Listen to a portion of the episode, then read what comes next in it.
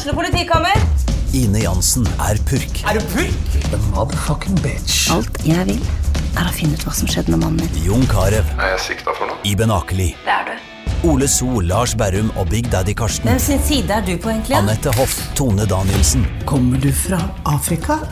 Jørnis Josef, Nesten. Kløfta. Trond Espen Seim, Det er synd å si det, men det var feil mann som døde. Purk. Premiere tirsdag på TV2 Play. Hei, og velkommen til en ny episode av Debrif med Dag Sørås. En ting som er evig fascinerende, er jo eh, underbevisstheten, og hvor mye av våre jævla eh, tankeprosesser som foregår uten at vi nødvendigvis har, har tilgang på, eh, på hva som foregår. Og av og til så kan det være jævlig greit. Det er ikke bestandig jeg vil vite hva som foregår. Sånn som hvis jeg går og grubler på en eller annen vits, og så plutselig så er den bare perfekt forma i hodet mitt uten at jeg innbiller meg at jeg har gått og tenkt så mye på det. Det er jo helt nydelig. Da slipper jeg det arbeidet. Men av og til lurer jeg på om underbevisstheten fucker med meg. Fordi i sted så Jeg kom, eh, jeg kom hjem fra en, eh, en joggetur. Jeg har vært flink denne uka etter eh, noen jævlig par usunne uker. Altså først de der fire dagene med Espen i Finnmark. Det var jo det var hardt. Og så, eh, fire dager i Longyearbyen. Eh, det var også ganske utagerende. Så føler jeg meg ganske sånn Helvete, nå må jeg chille han litt. Eh, så jeg har vært, eh, jeg har vært flink gutt denne eh, uka. Null alkohol. Og eh, sp sprang ei mil på tirsdag, og sprang ei mil i dag, torsdag. Og når jeg kom ut av dusjen, så Jeg vet da faen. Så jeg, jeg kom på faen, jeg må gjøre, jeg gjøre podkasten. Og så fikk jeg lyst på ei Bulmers. Og jeg lurer på Fordi Bulmers er noe som jeg har blitt glad i i, den, i løpet av de siste I løpet av i år, tror jeg faktisk. Eh, jeg hadde en sånn eh, det, det var en gang jeg tror jeg var på Njø og så hadde jeg bare ikke lyst på ei øl. Så jeg gikk for en Bulmers. det jeg liker med å bestille en Bulmers, er at da får du jo vanligvis et, eh, et halvlitersglass fylt med is. Og jeg liker den gule, jeg liker den røde, det er mange forskjellige typer. Men hvis du ikke har lyst på øl, men lyst på noe lettdrikkelig, så er det helt konge. Poenget mitt er, jeg lurer på om jeg fikk lyst på Bulmers fordi jeg visste innerst inne, underbevisstheten min var fullt klar over at jeg egentlig er fri, at jeg ikke har noe jævla Bulmers. Og det er tre plasser jeg kan lete. Uh, første plassen er jo selvfølgelig kjøleskapet på kontoret mitt. Det er jo der jeg vanligvis gjemmer godsakene. Um, så er det det kjøleskapet, Hva skal jeg si felleskjøleskapet nede, der var det ingenting. Og så har jeg en sånn, en sånn kiste stående med, med ting som ikke får plass i kjøleskapet, ikke trenger å stå kjølig nødvendigvis. Og når alle de tre er tomme, så er det der, der er du fucked. Da er det ingen vei tilbake. Da kan jeg bare stå og se på den eh, posen med tomflasker som jeg absolutt skulle vært og, eh, og kasta. Uh, og der er det jo der er det masse tomme bulmersgreier. Så jeg vet da faen. Det, det var en nedtur. For jeg hadde nemlig gleda meg til eh, Altså, beef jerky er ikke jeg noe enormt stor fan av. Jeg syns ofte det smaker litt sånn eh, kunstig, og enten er det litt for salt, eller Men altså, jeg fikk hos fruen en pose med Jack Links meat snacks. Eh, bil, biltung original. 70 gram, eh, 200 kalorier i en pose. Det er faen meg det beste beef jerkyen jeg har smakt i mitt liv. Eh, og perfekt som snacks, med ikke så inn i helvete mye kalorier. Og uh, sånn og en liten bulmers, helvete det hadde gjort seg. Jeg har selvfølgelig alt ølet du kan drømme om. Jeg har vanlig pils, jeg har fuckings IPA, jeg har uh, IPA, IPA. Det vil USA de sier IPA. Jeg har IPA, jeg har d- og, sprit og vi, jeg har alt. Alt utenom fuckings bulmers. Og jeg lurer på om det er derfor jeg fikk lyst på akkurat det. Om det var den her evinnelige jævla underbevisstheten som, eh, som spilte meg et lite eh, Hva heter det? Spilte meg et lite Hva spilte den for noe? Et lite Hva er det man spiller når man kødder? Et lite eh, Det forsvant helt. Og det her er noe som skjer ah, forstyrrende ofte. At jeg faen ikke husker. Sist gang var jeg, jeg lette etter ordet spark. For da vi var i Longyearbyen, så skulle vi på sånn huskytur. Pulktur. Og da står det jo på Så jeg skulle forklare til noen etterpå hva, hvordan, hva man sto på. Nei, men så man står på en sånn jævla Sånn som man på, på vinteren, når man er unge og bare står kjører på en Hva faen heter det for noe? Han bare spark. Og, jeg bare, nei, og så fortsatte jeg, uten å anerkjenne at jo, det var jo, spark var jo fuckings nøyaktig det ordet jeg leter etter. Um, men og navn, helvete altså. Navn går meg hus forbi så jævla ofte. Spiller noen et puss? Er ikke det det heter? Spille et puss. Hvis det ikke er det nå, da blir jeg faen meg Da blir jeg skeptisk. Hvis jeg spiller Spille et puss. Spille et puss, ja. Hvis faen. Nettopp. Uh, jeg har jo stålkontroll her. Det tar bare jævlig lang tid. Synonym for spille et puss. Bedra, bedradd, bløffe, bondefange. Hva faen, det kan vi ikke si lenger, kan vi det? Det må da Senterpartiet sette en stopp for. Sette horn på. Hva i faen er det for noe? Ta ved nesa, trikset, være utro mot. Være utro mot. er det det man skal si? Den her skal jeg faen meg bruke. Jeg har jo en tekst om å være utro. Uh, nei, jeg, bare, jeg bare, jeg bare narra deg litt. Jeg lompa deg. Jeg, jeg, jeg spilte deg et puss uh, med å stikke kuken inn uh, noen andre. jeg vet ikke om det ville ville tatt noe av brodden av, eh, av tillitsbruddet. Faen vet. Uansett, jeg var på eh, La meg først ta noe dato, siden vi, siden vi er helt i starten. Jeg er jo på turné. Jeg har akkurat vært i Longyearbyen, det må jeg bable litt om. Men neste helg, 14. april, er jeg i Harstad, Harstad kulturhus. Det er en svær jævla sal, det er billetter igjen, kjør på. Det er solgt bra, men det er fortsatt eh, en lang vei å gå.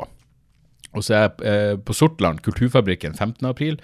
Så er det Forum Scene i Bergen. Helvete, jeg gleder meg til 22. april. Jeg begynner å bli få billetter. Men jeg kommer tilbake til Bergen. Forum igjen 4. november. Um, og så er det Halden. Aladdin, eller Aladdin, faen, det her sliter jeg med hver gang. Scene 28. april.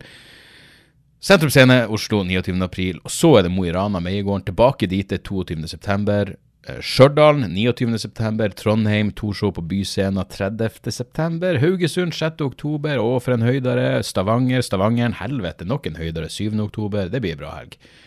Så det er Bardufoss. Bardufoss 13.10. En eller annen grunn så er Bardufoss på lista. Ja ja, det, det blir sikkert gøy, det. Uh, 14.10. Tromsø, tilbake til Troms kulturhus. 19.10. Skien, Ibsenhuset. 21. Fredrikstad, Blå grotte. Jeg regner med det kommer noe inn den 20.10. også. Hamar 3.11., Bergen Forum som sagt 4.11., Mandal 10.11., Kristiansand 11., Kristiansund 17., Frøya 18., Sentrum Scene igjen i Oslo 23.11., Moss 24.11., Ullensaker 2.12., og så er det tilbake til Bodø igjen 24, nei, 20. januar 2024. Så der. Men eh, Longyearbyen eh, forrige, forrige uke siden. For en jævla fryd. Det var eh, skikkelig, skikkelig gøy. Uh, vi ble uh, Altså, vi dro opp på torsdag, og så skulle vi hjem på søndag, men det gikk jo ikke som planlagt. Det får vi komme tilbake til. Men Og så var det show på fredag, da. Og Jim, Walrus Productions eller Entertainment, Jim hadde stelt i stand gjøremål for oss. Eller gjør, gjøremål. Han hadde det, det fiksa severdigheter og ting å gjøre mens vi var der. Og det var det var rett og slett tipp topp. Det var jeg, lydmann Steven, så var det Hanne og manager Stian og hans fru Kjersti. Og uh, vi hadde det jævlig gøy. Uh, Landa på torsdag. Uh, tok ikke så lang tid, så dro vi på dro for å spise noe lunsj, tok oss en øl, så dro vi på whiskybar. Jeg fikk meg whisky. Jeg var, faen meg, jeg var i strålende humør klokka tre på ettermiddagen der. Og torsdagen var relativt chill. Vi samla oss, dro ut og spiste. Jævlig digg middag på uh, Hva faen enn de plassene heter. Alle, igjen, sjokk og horror har jeg allerede klart å uh, glemme. Jeg burde nesten ha det klart for meg. Fordi det var uh, Det var rett og slett jævlig digge måltid som Skal vi se Som kan anbefales. Ja. Vi spiste middag på gruvelageret på torsdag. Og det var jævlig digg. Da var det noe eh, selvfølgelig utenlandsk eh, servitør som hadde sånn historie og fortalte oss ditt og datt. Og det var dritbra mat. Det var, eh, det var oss, og så var det selvfølgelig Jim, og så var det hans relativt nye kjæreste.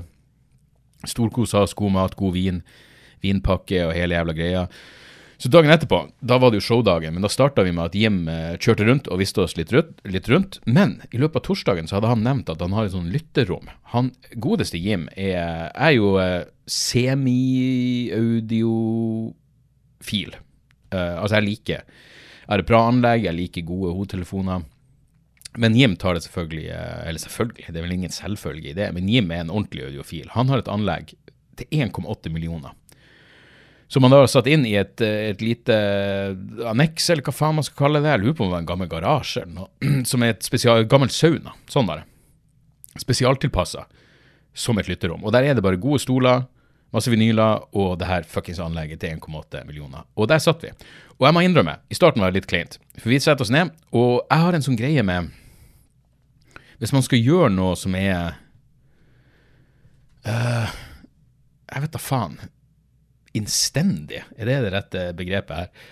Det å sitte og høre på musikk i stillhet sammen med noen er en ganske jeg vet da faen. Det er en litt intens opplevelse. Noe jeg egentlig aldri har gjort med Jeg har gjort det med Steven, eh, bare fordi vi har kjørt mil på mil.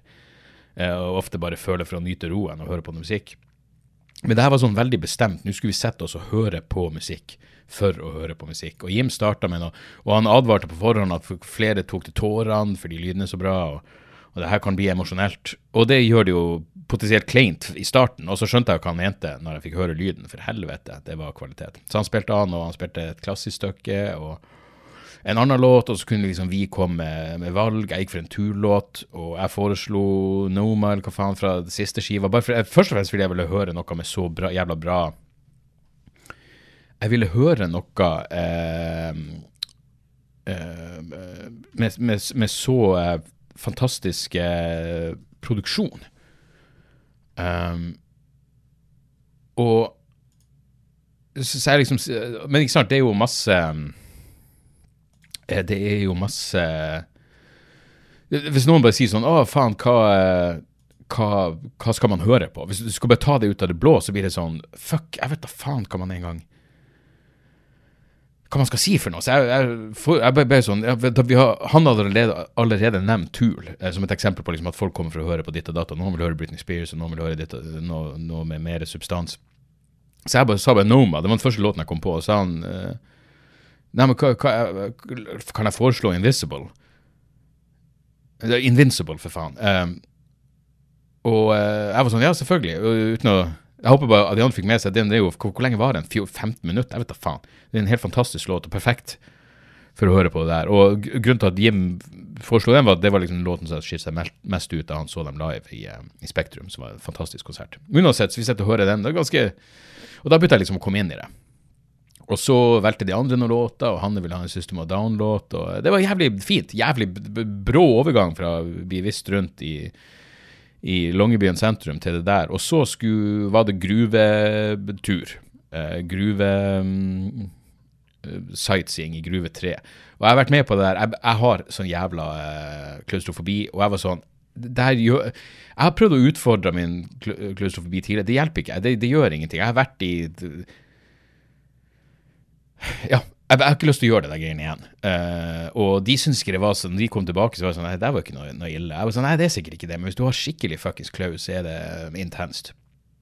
Og jeg liksom pusha meg sjøl. Jeg har vært oppe i uh, Rockefeller Center, selv om jeg har ekstrem høydeskrekk, og gruve, selv om jeg fuckings uh, klaustrofobi. Jeg har vært ute på, vært med på skreifiske i uvær, selv om jeg avskyr fuckings bølg, høye bølger. Det, faen, jeg lurer på om det er det verste. Jeg lurer på om det, det, er verre for meg. Å være, ikke at jeg har vært borti det så mange ganger, men å være på, på havet i uvær er verre enn, for meg enn å være på et fly i uvær.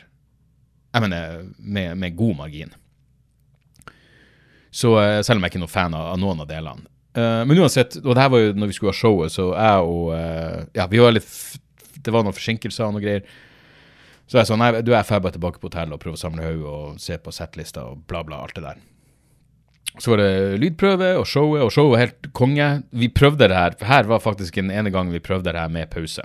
Uh, det var Jim som høflig lurte, og det var selvfølgelig mitt valg om jeg ville ha pause eller ikke, men jeg måtte si ja, det her er såpass spesiell plass og det er så bra oppvartning og alt det der at vi kan godt ta en pause.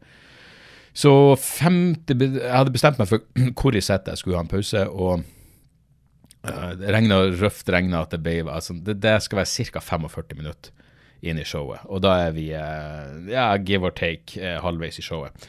Det endte selvfølgelig opp med at det var nærmere en time når vi tok pause. Uh, ting tar ofte litt lengre tid.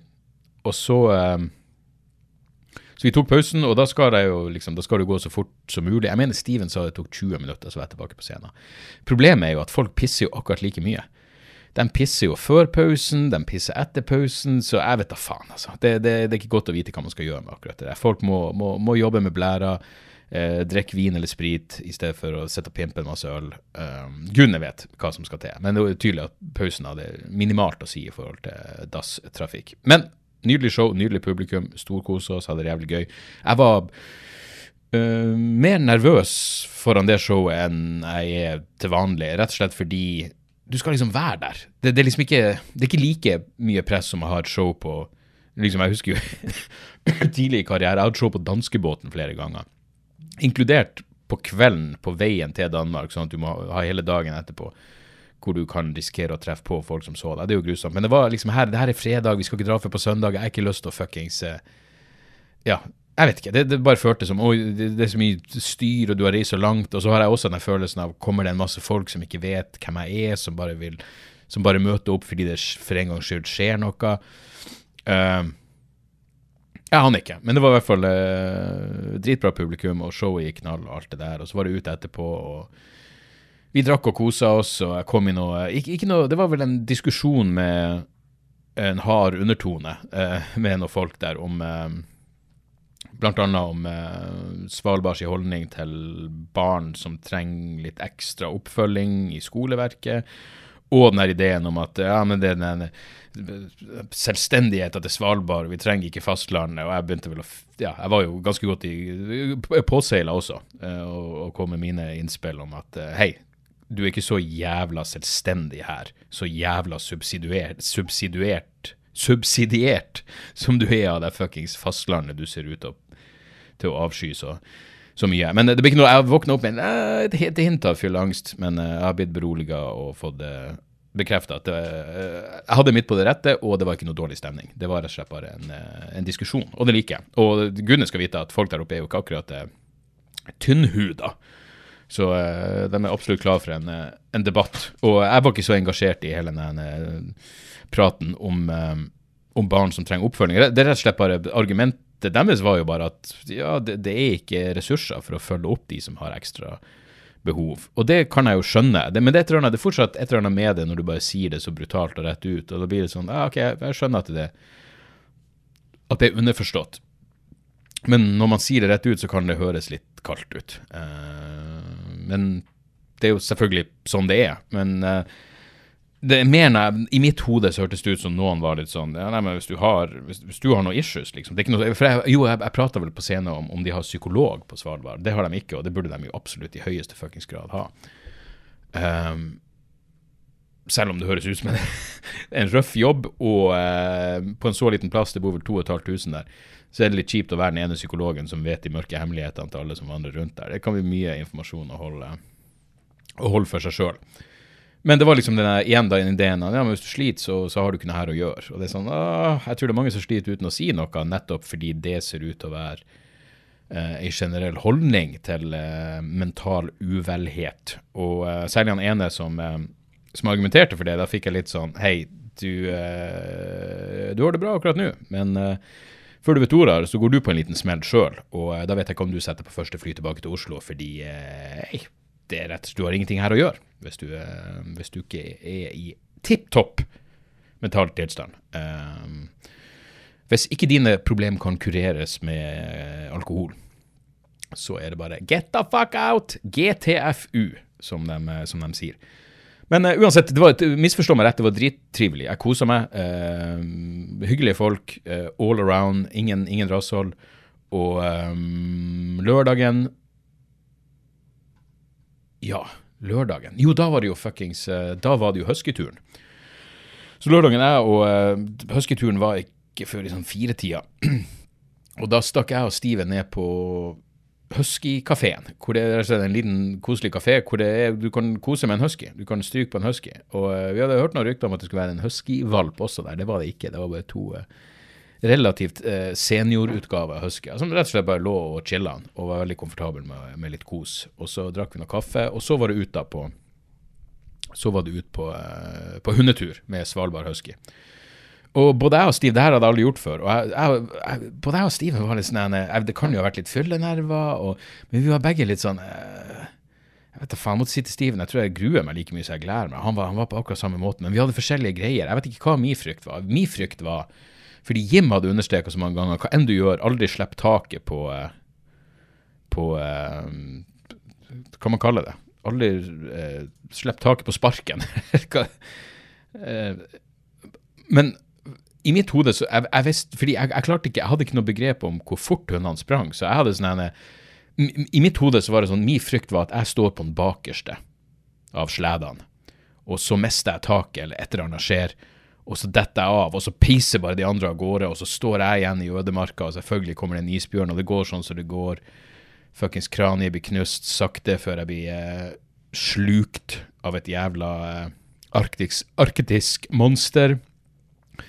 Men det var selvfølgelig ikke sånn. Eh, Steven var redd for å drite seg ut, rett og slett. Det var hans store frykt. Så vi har, frykt, så vi har jo alle forskjellige forskjellige eh, si både fobier og, eh, og eh, forutatte uh, ideer om hva som kan komme til å skje. Ingenting av det skjedde, selvfølgelig. Uh, det var en um, Og det var liksom lagt opp sånn at når vi kom ut dit, så var vi med på å uh, Først var det selvfølgelig sånn sikkerhet og ditt og datt, og ansvarsavskrivelse. Hvis du blir drept, så er det din feil. Hva enn man skrev under på. Jeg så ikke så nøye på det.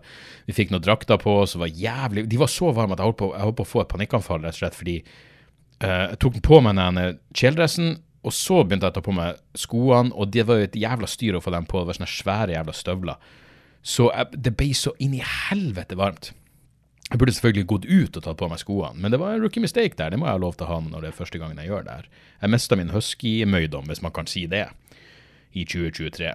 Så, eh, så vi fikk på oss å svare ut, men da var vi med, og, eh, og det, det jeg, jeg har så, så mye greier som er sånn en, eh, Jeg merker når jeg er tilbake i dårlig selvtillit fra ungdomstida, hvor jeg liksom bestandig har vært sånn over jeg, jeg tror jeg prata om det før, men jeg, jeg tror mye av min mangel på praktisk kunnskap skyldes at jeg hadde en sånn idé i hodet om at jeg ikke kunne gjøre praktiske ting. Og mye av det kom jo med kødding hjemmefra, med at liksom brorsan er praktisk anlagt, og farsan kan fikse ting, og morsan er også ganske praktisk, mens jeg var liksom han ene. Og her, er- han som, som liksom eh, liker å leve i sitt eget hode og ikke kan slå inn en spiker. Men det kom tilbake til meg når vi skulle begynne å kle på de hundene. For der guiden var en amerikaner, og han var veldig sånn Ja, du bare tar på her, og så visste han hvordan du skal ta på den der eh, fuckings harnessen, eller hva enn det heter, på norsk. Som hundene skulle ha på seg. Og jeg ble plassert fordi vi var jo øh, Hvor mange var vi? Vi var nå ikke et, et partall. Så jeg havna sammen med den ene det var liksom vi Hvor mange var vi? Steven Hanne, Stian, Kjersti Men Vi var fem stykker, ja. Og så var det én annen som skulle være med på naturen. En nederlender. En nederlandsk student. Veldig hyggelig fyr. Men jeg havna på, på sleden sammen med han og han er guiden, da, så vi skulle være fremst. Så vi går i lag for å skal klø på en av de hundene, og nederlenderen fucka det opp. Jeg, jeg gjorde sånn at han tok ansvar, og straks han begynte å ta den over hodet. De hundene var jo kjempesnille og medgjørlige, men uh, jeg bare så med en gang at det her er feil, og så kom det ei dame bort for hjelp, og så var sånn Ja, det er jo nesten rett. Som er en fin måte å si det er totalt fuckings feil på. Det er ikke nesten rett i det hele tatt, det er bare helt feil. Så fikk vi på hundene, og så var det bare å sette i gang. Eh, og så var han først sånn Ja, dere skal få styre hvis dere vil. Og jeg var ikke så jævla hypp egentlig på det, særlig siden vi lå fremst. Jeg visste ikke, du har en sånn greie, du, du har liksom Du står bakpå, selvfølgelig at du står bakpå en spark, og så er det to, åtte, seks bikkjer, seks eller åtte, jeg husker ikke, som peiser på. Og så skal du liksom holde farta, og du, du har ei bremse som går trygt ned, og så har du en sånn en, så du også trykker ned for å bremse dem ned. Eh, for å roe farta, og så bremser da for å stoppe helt. Um, men siden vi liksom lå fremst, så var jeg sånn eh, Ja, nei, jeg vet ikke. Men så skjedde det et eller annet, så han måtte hoppe av og hoppe av eh, hele sleden, og da måtte jeg ta over styringa. Og det var jo ingen problem i det hele tatt. Jeg kunne egentlig gladelig ha gjort det. Det var jo null stress. Hadde jeg vært en av de bakerste, så skulle jeg gjerne Da, da kunne, tror jeg jeg kunne styrt hele veien uten at det hadde vært så veldig mye stress. I hvert fall når jeg liksom kom inn i det. Men igjen, jeg, sånn, jeg blir litt livredd for å gjøre en feil, eller at det skal bli noen katastrofe. For Sti, Stian fortalte meg at han hadde gjort det en gang før. Og da var det ei dame som uh, Hun hadde gått av uten å trykke ned den bremsa ordentlig. Så hundene hadde bare stukket av gårde, for de stikker jo bare da. Og jeg lurer på om Stian sa at en hund hadde daua. Uh, for de legger jo bare på sprang med, med den uh, pulken etter seg, sleden etter seg. Og et eller annet fucked up hadde skjedd, så jeg lurer på om ei ikke daua. Det var i hvert fall uh, ganske krise hvis du fucker opp sånn. Og det er jo sånne ting som jeg er livredd for å gjøre. Men det gikk ganske rolig. Jeg vet da faen hvor fort de springer. 20-30 km i timen, jeg vet da faen noe sånt. Og så var du ute i en dal, da, og så Ja. Uh, men det som er interessant, var at han han er guiden, så jeg og, jeg og Steven var litt skeptisk. Det, var, det skal sies, det var jo fyllenerver også involvert. Uh, så når vi er på vei ut Han kom liksom, han amerikaner kom da og henta oss på hotellet. Og så plukker han opp han nederlenderen, og så kjører vi ut til uh, mot Gruve 7, og der, der de hadde den kennelen. Og um, så vi spør han bare sånn Hvor lenge har du gjort det her? Eller hvor, hvor, lenge har du vært på Svalbard? Han bare siden januar. Og det er sånn Nå er det mars. Par-tre måneder, altså. Og så spurte vi ja, hva gjorde du i USA? Liksom bare fiske etter har du drevet med hundesledekjøring i Antarktis, eller har du bodd oppe i fuckings uh, uh, Alaska? Nope, han hadde vært hundepasser i Michigan. Hundepasser? Altså barnevakt for fuckings bikkje. Hundevakt. Ok, det gir han jo ingen umiddelbart ekspertise på det her i det hele tatt. Så han er helt fersk. Og, eh, men så ser jeg at heldigvis har han gunneren på seg når vi skal ut på tur, da, som er jævlig bra, fordi det er jo alltid en, en viss fare for å treffe på en isbjørn, og da bør du være bevæpna. Så jeg bare spør han på veien ut, så sier jeg sånn eh, Når vi er i gang med selve turen, uh, vi peiser innover i dalen der, så sier jeg til han sånn Har du sett en isbjørn hvis du var her? Og han bare Nei, heldigvis ikke. Og så sier han The very idea of a polar bear freaks me out. Og da ble jeg freaka ut, for jeg tenkte sånn Hei, det, det, er sunt å være redd for isbjørn. Det hadde vært verre hvis du ikke var redd for isbjørn, men selve ideen om å konfronteres med en isbjørn, hvis, den, hvis selve ideen freaker deg ut, så vet jeg faen om du er rette mann for denne jobben, fordi hvis det plutselig kommer en isbjørn, skal ikke du frike ut. Da har vi gått fra idé til praksis.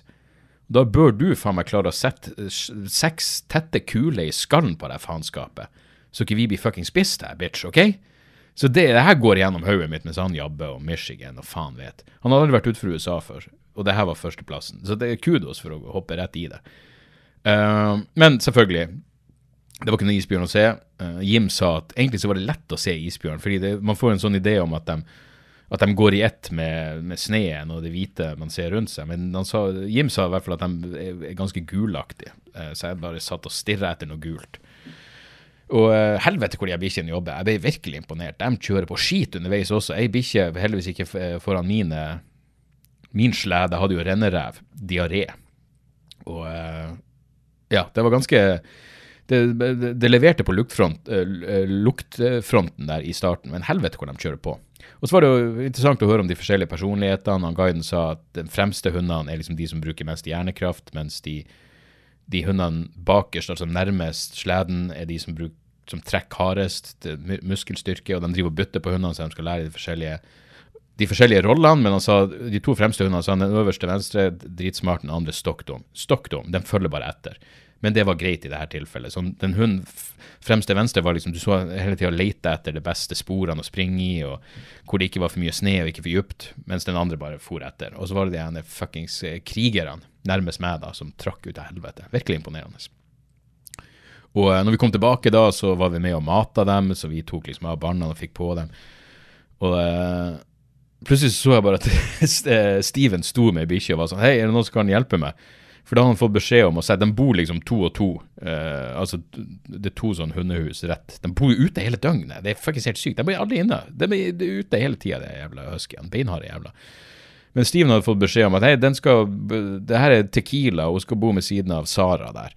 Men når Steven var på vei bort, så skjønte han jo at her er det dårlig stemning. Og da ble det sånn, fuck, er det her rett hund? Jeg vet da faen, de måtte gå gjennom noen liste, og så viste det seg at det var rett hund, det var bare litt ampert der. Hvem vet hva som har skjedd i mellomtida. Men uh, i hvert fall jævlig interessant uh, å være med på, og så var det på uh, Så var det på Pol... Nei, vent, det. Det var ikke Polfareren, for faen.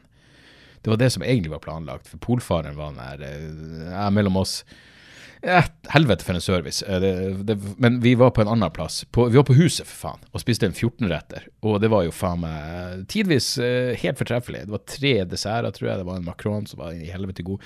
Spiste sel. Det var selvfølgelig noe reinsdyrkjøtt. Dritgodt, med vinpakke, så man ble jo absolutt i, i stor form. Jeg tror vi var der fra syv til halv tolv. Og så var jeg tilbake på kroa igjen, og, eh, og drikking og styring. Og, eh, kjempegøy. Virkelig. eh, For en jævlig fin tur, eh, på alle forbanna måter. Og søndag, da, skal vi jo hjem.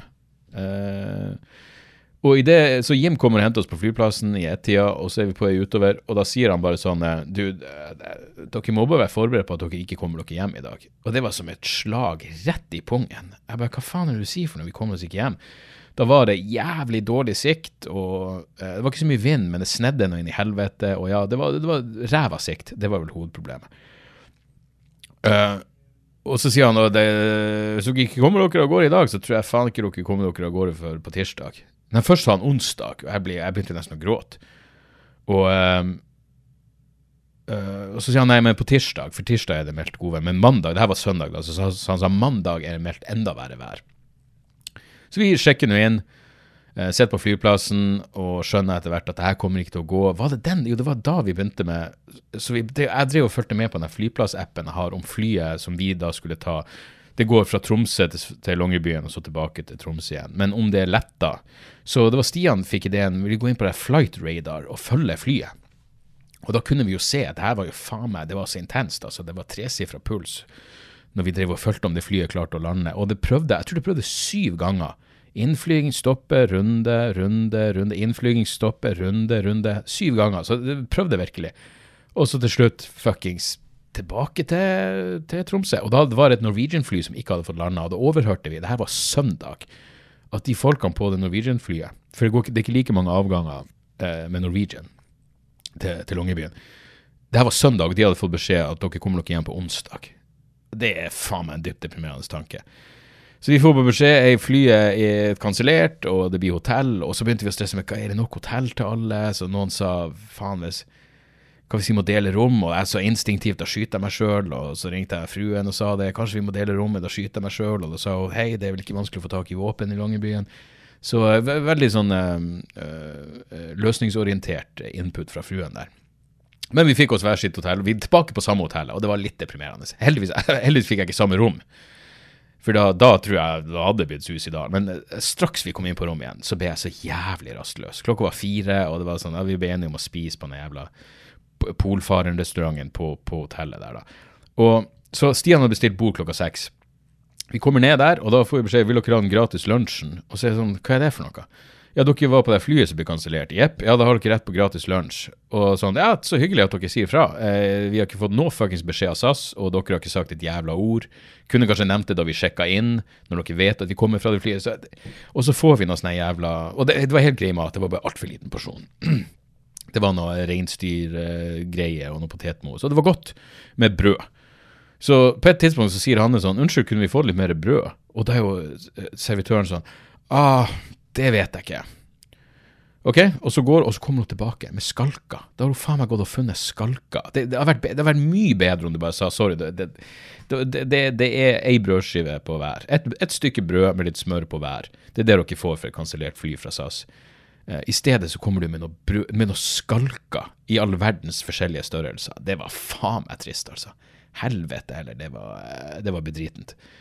Um, og vi tok oss ei øl, og det var bare sånn, jeg har ikke lyst på det. Den øla var jævlig god, men ja, det, det kunne vært en fare for at man bare havna på fylla igjen, men ingen av oss hadde lyst til det. Så tilbake på hotellrommet, så ferdig en serie, sovna, og våkna opp dagen etterpå og kikka ut av vinduet og tenkte fucking hell.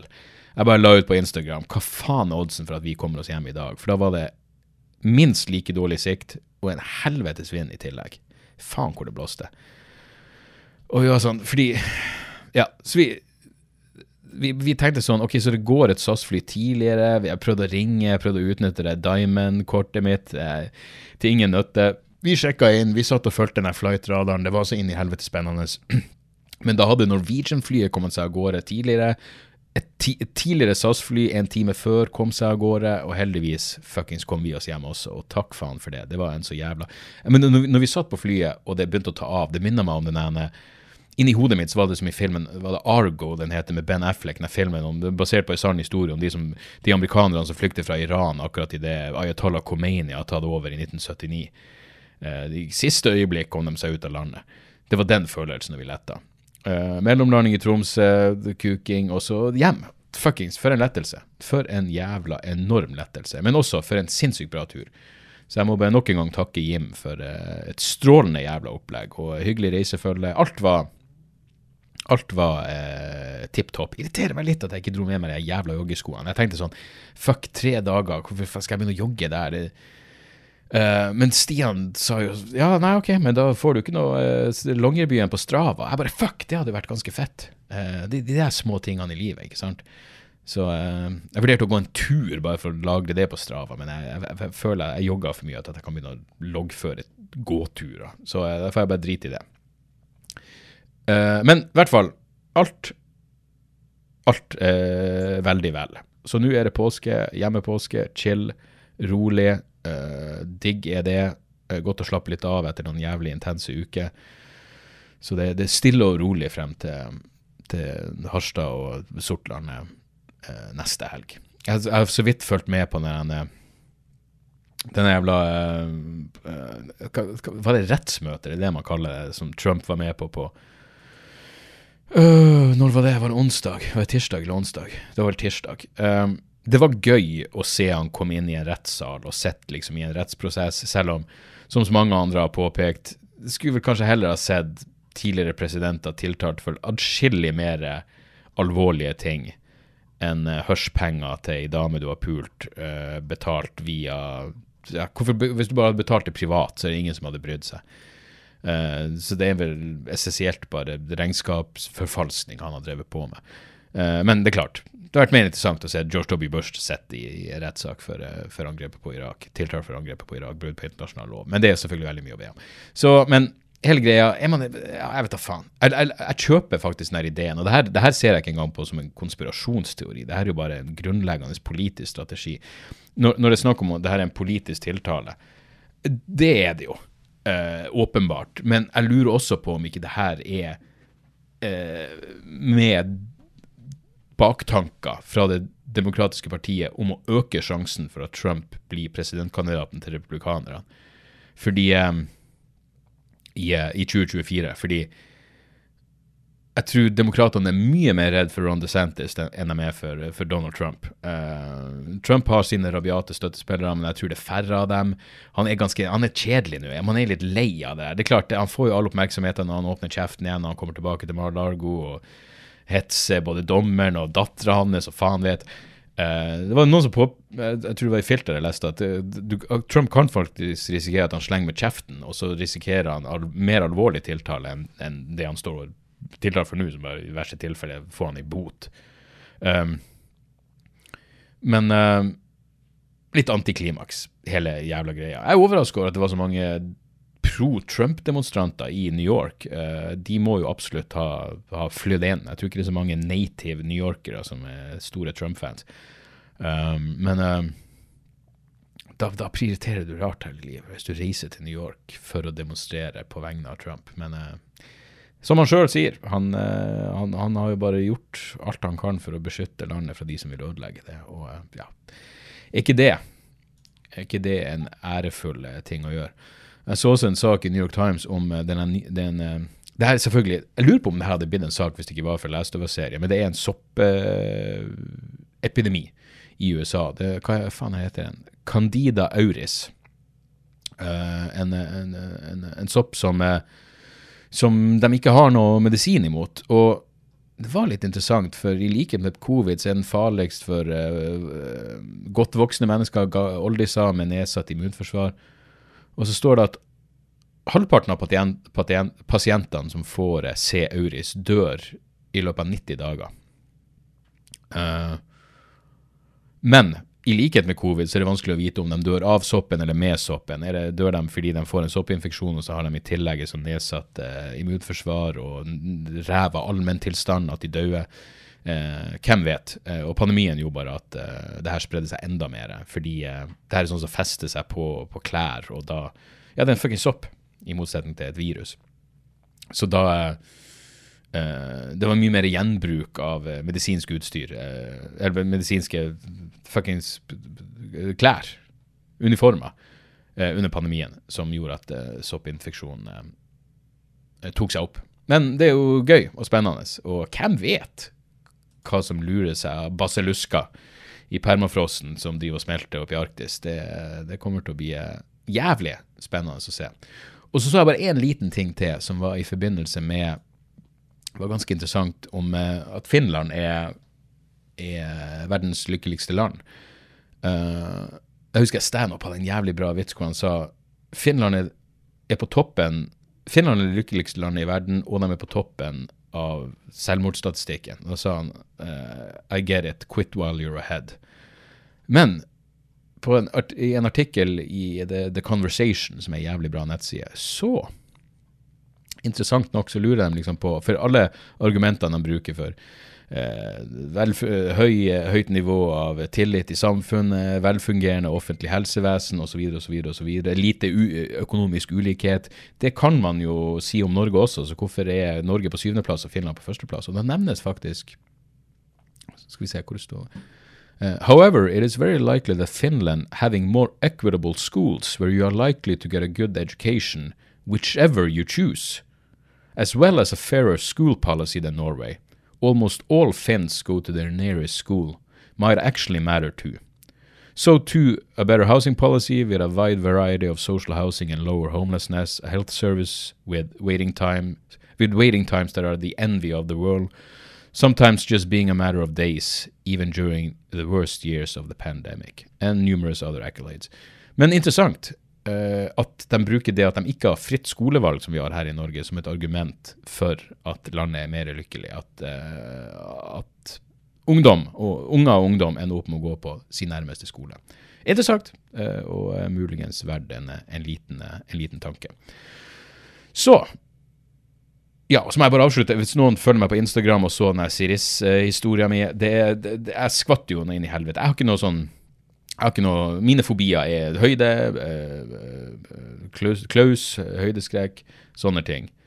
Uh, jeg er ikke redd for klovner, jeg er ikke redd for edderkopper, ikke noe sånn faenskap. Men Sirissa er fuckings ekkel, og det er jo det tarantellen Jeg håper å si vår, det er Anne Marie sin jævla tarantell. Thea heter hun, hvis jeg husker korrekt. Uh, hun spiser Sirissa. Så uansett, eh, dere kan se for dere det sjokket da jeg åpner opp min, min reisebag, min Air Travel Pack X-Pack. Beste fuckings reisekjøp jeg har gjort.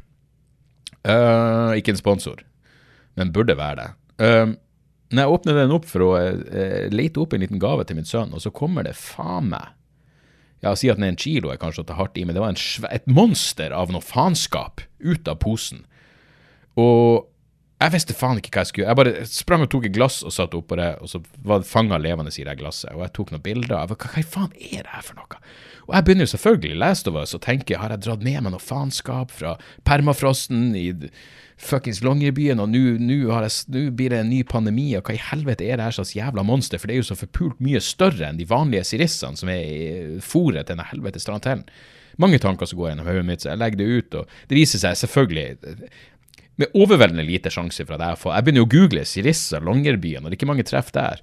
Og vi var jo oppe, Det er jo masse insekter på Longyearbyen, men vinterstid så er det faen meg min, minimal sjanse for at du drar med deg en Sirissa. Jeg tenkte den kunne jo vært på hotellrommet, hvem i faen vet. Mest sannsynlig har han bare, som frua sa, den har vært unnsluppet terraria. Og jeg bare unnsluppet, er ikke et akseptabelt ord når det kommer til det her faenskapet? Vi, vi kan ikke ha et system her hvor Sirissa kan unnslippe den fangenskapet vi har satt dem i. De er fôr. De skal i høyeste grad ikke kunne stikke av. Men det er mest sannsynlig der den har kommet ifra. Og jeg lot den stå. Det, jeg, jeg, jeg, begynner ikke å kødde med det der faenskapet. Først og fremst fordi jeg ikke vet jo faen ikke hvordan man åpner det terrariet engang. Så fruen måtte komme hjem fra jobb og bare ordne og hive faenskapet oppi. Jeg fikk filma at det ble kasta oppi, og så vidt jeg vet, så lever faenskapet enda. Det er virkelig en uh, fascinerende og bekmørk og ganske sadistisk greie når når Tarantellen omsider bestemmer seg for at den er sulten. Fordi det går sakte, men sikkert. Og det de da gjør, er at den, den fanger sirissen, og så sprøyter den inn noe greier inn i kroppen som gjør at alt på innsida av sirissen blir flytende, og så suger den i seg hele innmaten, og så ligger det bare et tomt skall igjen. Uh, ganske digg. Jeg håper dere med alle de munnlydfobiene likte den der lille etterligninga mi av en, uh, en tarantell som spiser siriss. Hei, det er naturen, folkens. Hva faen skal man gjøre med det? Uh, så jeg håper og tror Jeg vurderte å må jeg brenne sekken. Hva faen skal jeg gjøre nå? Det kan være egg oppi. Eh, vi slo oss til ro med at det mest sannsynlig eh, kom innomhus. The call is coming from inside the house. Så da var det atskillig mindre, atskillig mindre stress. Og så må jeg legge til én ting som var ganske gøy. Eh, noen sendte meg et lite klipp fra eh, Henrik Fladseth, eh, god venn og meget, meget morsom mann Eh, sin podkast, hvor han har Wolf, Wolfgang Wee som gjest. Og Wolfgang Wee har jo jeg et eh, litt anstrengt forhold til, uh, men der begynner de å prate om å ha Breivik som gjest. Og Wolfgang er jo ikke overraskende nok veldig klar for å ha Breivik som gjest, og det hadde jo vært interessant. En liten koseprat mellom Wolfgang Wee og Anders Behring Breivik. Jeg vet ikke hva de skal snakke om. Viktigheten av å reie opp senga si, viktigheten av en kjøttdiett. Jeg aner ikke eh, hva slags fellesnevnere og hva de skal snakke om. Det slo meg også at det hadde vært gøy med en uh, Kan man ta en barnemorder spesial på Wolfgang Wee sin podkast, med Breivik og Jan Helge Andersen? Ikke sant? Uh, prate om, om, trening og, uh, og tai chi og faen vet, altså. Det er et eller annet med Jeg skjønner at Fordi jeg vil også hatt Breivik på podkasten min. Hvis jeg fikk en mulighet for Nå skal det sies, og det vil Wolfgang Wee si seg enig i, og han sier det jo eh, ganske direkte til Flatseth, og han slår jo fast at jeg er større sjanse. Større sjanse for at Breivik stiller opp hos Wolfgang Wee enn hos Henrik Flatseth, og da enda større sjanse for at han stiller opp hos Wolfgang Wee enn at han stiller opp på debrif med Dag Sørås, forståelig nok. Men jeg kunne hatt en prat med Breivik. Absolutt. Men Det minner meg litt om Jeg lurer på om det er Sam Harris som har gjort det her poenget. At du kan snakke med noen som er så jævlig. Ikke sant? Dette er problemet når, når, når Wolf kan koseprate med Steigan, f.eks. Eller har en holocaust-fornekter for å prate om eh, finanskrisa.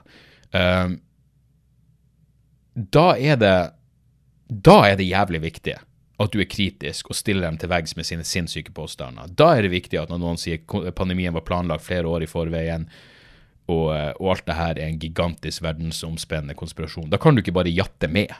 Da er du faen meg Da har du plikt til å stille oppfølgingsspørsmål. Men hvis du har Breivik som gjest, så kan du i det minste skjule deg bak at hei, alle vet at Breivik er så jævlig, at du trenger ikke å stille han kritiske spørsmål. Da, da, da er det faktisk på sin plass. Og koseprat blir jo kanskje å ta litt hardt i men å prøve å bruke hvordan enn taktikker du trenger, hvordan enn slags fuckings psykologisk innsikt du måtte ha til å prøve å komme inn i, inn i hodet på, på et monster.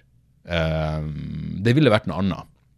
Uh, og det her minner meg jo om uh, Piers Morgan hadde jo en hinsides mislykka forsøk på Jeg vet da faen, han skulle intervjue noen seriemordere, og da driver man og prater med en fyr, og så og så begynner han å skal ta the, the, the, the high ground, det moralske high ground, og begynne å skjelle ut denne seriemorderen for at han er seriemorder. Og det er sånn, fyr, det er allerede etablert at du prater med en Ted Bundy-figur. Det var jo en ukjent seriemorder, men han, han, han hadde jo liv på samvittigheten. Du trenger ikke å vise at du er moralsk overlegen denne typen. Faktisk, Piers Morgan overkompenserte til et nivå som leder meg til å tro at Piers Morgan har liv på samvittigheten. For de fleste andre ville vært sånn Hei, alle skjønner at si hva du vil om meg, jeg er ikke like jævlig som han her fyren. Jeg har ikke drept 14 damer. Hei, jeg har kanskje vært utro et par-tre ganger, men jeg har ikke drept 14 damer. OK. Uh, men uh, Så, ja. Bottom line Hvis og når Breivik stiller opp hos Wolfgang Veie, så skal jeg få med meg det intervjuet. Uh, det, kan bli, det, kan bli, interessant å se hvordan veier de to går nedover hånd i hånd. Også trist. Det har jeg sikkert nevnt før, men jeg, jeg så en dokumentar om moderne seriemordere og hvor de bare gikk igjennom det som er av i hvert fall mistenkte seriemordere på frifot i USA i, i, i, i moderne tid nå. Og utelukkende. Jeg tror faen meg, uten unntak, så hvem enn de seriemorderne er, eh, hvor enn mange det er av dem, de sakene som er uoppklart, så de mistenker at det er en som har drept eh, tre eller flere, så var det sexarbeiderne de gikk etter åpenbart. Fordi moderne teknologi gjør det vanskelig å være en seriemorder. Folk haiker ikke lenger. DNA, alle de her tingene spiller inn. Overvåkningskamera. Men sexarbeidere de kan du tydeligvis slakte over en lav sko uten at det blir noe, uten at det blir noe big deal ut av det. Som igjen er et lite, et lite tankekors verdig. Så med den oppløftende slutten, som vanlig, så, eh, så har jeg et par tips, og så er vi ferdig her. Jeg vil tipse om podkasten Psych, PSYCH, med David Pizarro og Paul Bloom. Det er to uh, uh, særdeles oppegående, uh, smarte, velartikulerte, interessante og kultiverte psykologer som har en podkast. Eh, Paul Bloom har akkurat kommet med en ny bok som heter Psyched, som handler om eh, moderne psykologi og tingenes tilstand innenfor fagfeltet. Ikke lest den ennå, men eh, det skal jeg gjøre. Jeg elsker de andre bøkene hans. Uh, Against Empathy.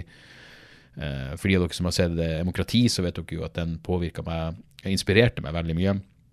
De prater om alt fra, fra Freud, replikasjonskrise, alle de her liksom de, de hovedtematikkene som Paul Bloom eh, tar for seg i boka. Og det er superinteressant. Særlig episoden om Freud. Eh, helt knall. Så Psych kan anbefales. Um, når jeg var på uh, den uh, Bonusnatta vi fikk i Longyearbyen, da så jeg ferdig miniserien Daisy Jones and the Six. Den her tipser jeg også om i Poprådet-podkasten jeg gjør hos Aftenposten. Men faen så bra, altså. Det er rett og slett en, det er vel en, en, spesielt en dramaserie om et fiktivt rockeband, Daisy Jones and the Six, selv om det egentlig er basert på Fleetwood Mac. Uh, de, de, starter bandet, de begynner å få suksess, og så blir det mye dop og drikking på frontmannen, og så er det en, kvinnelig soloartist som da etter hvert blir involvert i bandet, men er det et veldig komplisert forhold til, en til frontmannen i det bandet. Dritbra. Elska serien. Uh, jeg tørka en tåre på slutten, det skammer jeg meg ikke over å innrømme. Veldig, veldig bra. Daisy Jones and the Six ligger på Amazon Prime. Fuckings gull. Uh, og så filmen Aftersun. Helvete, altså. Eh, Charlotte Wells. Jeg lurer på er det debut, jeg lurer på om det er debutfilmen hennes. Um, skal vi se her Hva har hun vært director for? Jeg, jeg, jeg tror i hvert fall det er debutfilmen. Det er rett og slett Helvete, det her er en emosjonell uh, den er røff. Det er rett og slett Sophie som, uh, som tenker tilbake på en ferietur hun hadde med uh, faren sin, som uh, Ja, egentlig ikke, ikke, ikke det er fantastiske skuespillere, det er rørende, det er fuckings um, Det første jeg sa til damene da han var ferdig, var at det her vil jeg ikke se igjen. Men nå er jeg ikke helt sikker. Jeg tror faktisk jeg kunne tenkt meg å se den igjen, for det, det, er noen ting jeg har lyst til å plukke opp der. Men det er um, igjen, det er det ordet jeg elsker, menneskelig. Det her er så menneskelig som du får det. Og uh, både han som spiller faren og dattera, de er så jævla De har en sånn naturlig god kjemi og um, Ja, den er, den, er, den er heavy, altså. Men absolutt, absolutt verdt å se. Uh, ganske fantastisk film. After Sun heter den. Og så et par uh, musikktips. Nå litt mer, uh, litt mer piffy. Uh, siste skiva til Murdermaids, Dance or Die, må jeg selvfølgelig anbefale. Fuckings knallband. jeg har vært fan av dem helt siden de sendte meg melding på Instagram da debutskiva kom ut for Det var midt i pandemien, 2020 kanskje. og så sjekka jeg den ut, og så var det jo helt fuckings fantastisk. Og nå er de ute med skive nummer to, og den er, den er fuckings knall, altså. Det, det er så ah, det, er det, er alt man trenger. Liksom, Like Poison ID, Good Band, Sugly. Det, det, det er fortreffelig hardrock, hardcore, punk, catchy. Uh, jeg fuckings elsker det. Jeg kunne klart meg uten de interludene, de små lydklippene og den loud Kan hete Lude, Loud and Lazy, tror jeg den låten heter. Men utenom det så tror jeg faktisk jeg liker den nye skiva enda bedre enn den første. Uh, det er rett og slett uh, ah, det, det, er sånn prakteksempel på uh, musikk som jeg vil høre på for å, uh, for å komme i humør, humør, før jeg skal på scenen. Og kom igjen, en låt heter Snort Vinyl, Play Coke. Fuckings konge. Murder Made, Dance or Die. Anbefales på det varmeste. Og et lite musikktips til, i helt motsatt ende av skalaen. Den nye skiva til Nick Waterhouse, The Fooler det her er bare fortreffelig retro Det er som psykedelisk bluespop med det, det som det, jeg, Ja, jeg var jo ikke født på 60-tallet, tro det eller ei, men det er sånn åpenbare 60-tallsviber. Og ja, hva mer kan du be om? Det eneste som faktisk irriterer meg litt, er at skiva er i mono. Det var den forrige skiva også. Um, det, det, kunne absolutt vært i stereo. Utnytt nå de. Jeg, jeg, skjønner at du vil tilbake til noe, men, men den, den eh, selvtitulerte skiva han ga ut i 2019, er fortsatt, den beste, og den er i høyeste grad i stereo. Så. Men, men, det funker som faen. Det her er, det, her er, det, det er som nachspielmusikk, men ment i aller beste mening. Når du liksom finner roen på et nachspiel. Hyggelig nachspiel hvor det ikke er noe stress, ikke masse jabbing, hvor man bare kan chille. Hele for lytterommet så er jo Nick Waterhouse The Fooler eh, helt fuckings eh, optimal. Så der, litt tips i alle ender av skalaen. Eh, takk for at dere hører på. Vi høres eh, snart igjen. Tjo og hei. Har du et enkeltpersonforetak eller en liten bedrift? Da er du sikkert lei av å høre meg snakke om hvor enkelt det er med kvitteringer og bilag i fiken, så vi eh, gir oss her, vi. Fordi vi liker enkelt. Fiken superenkelt regnskap.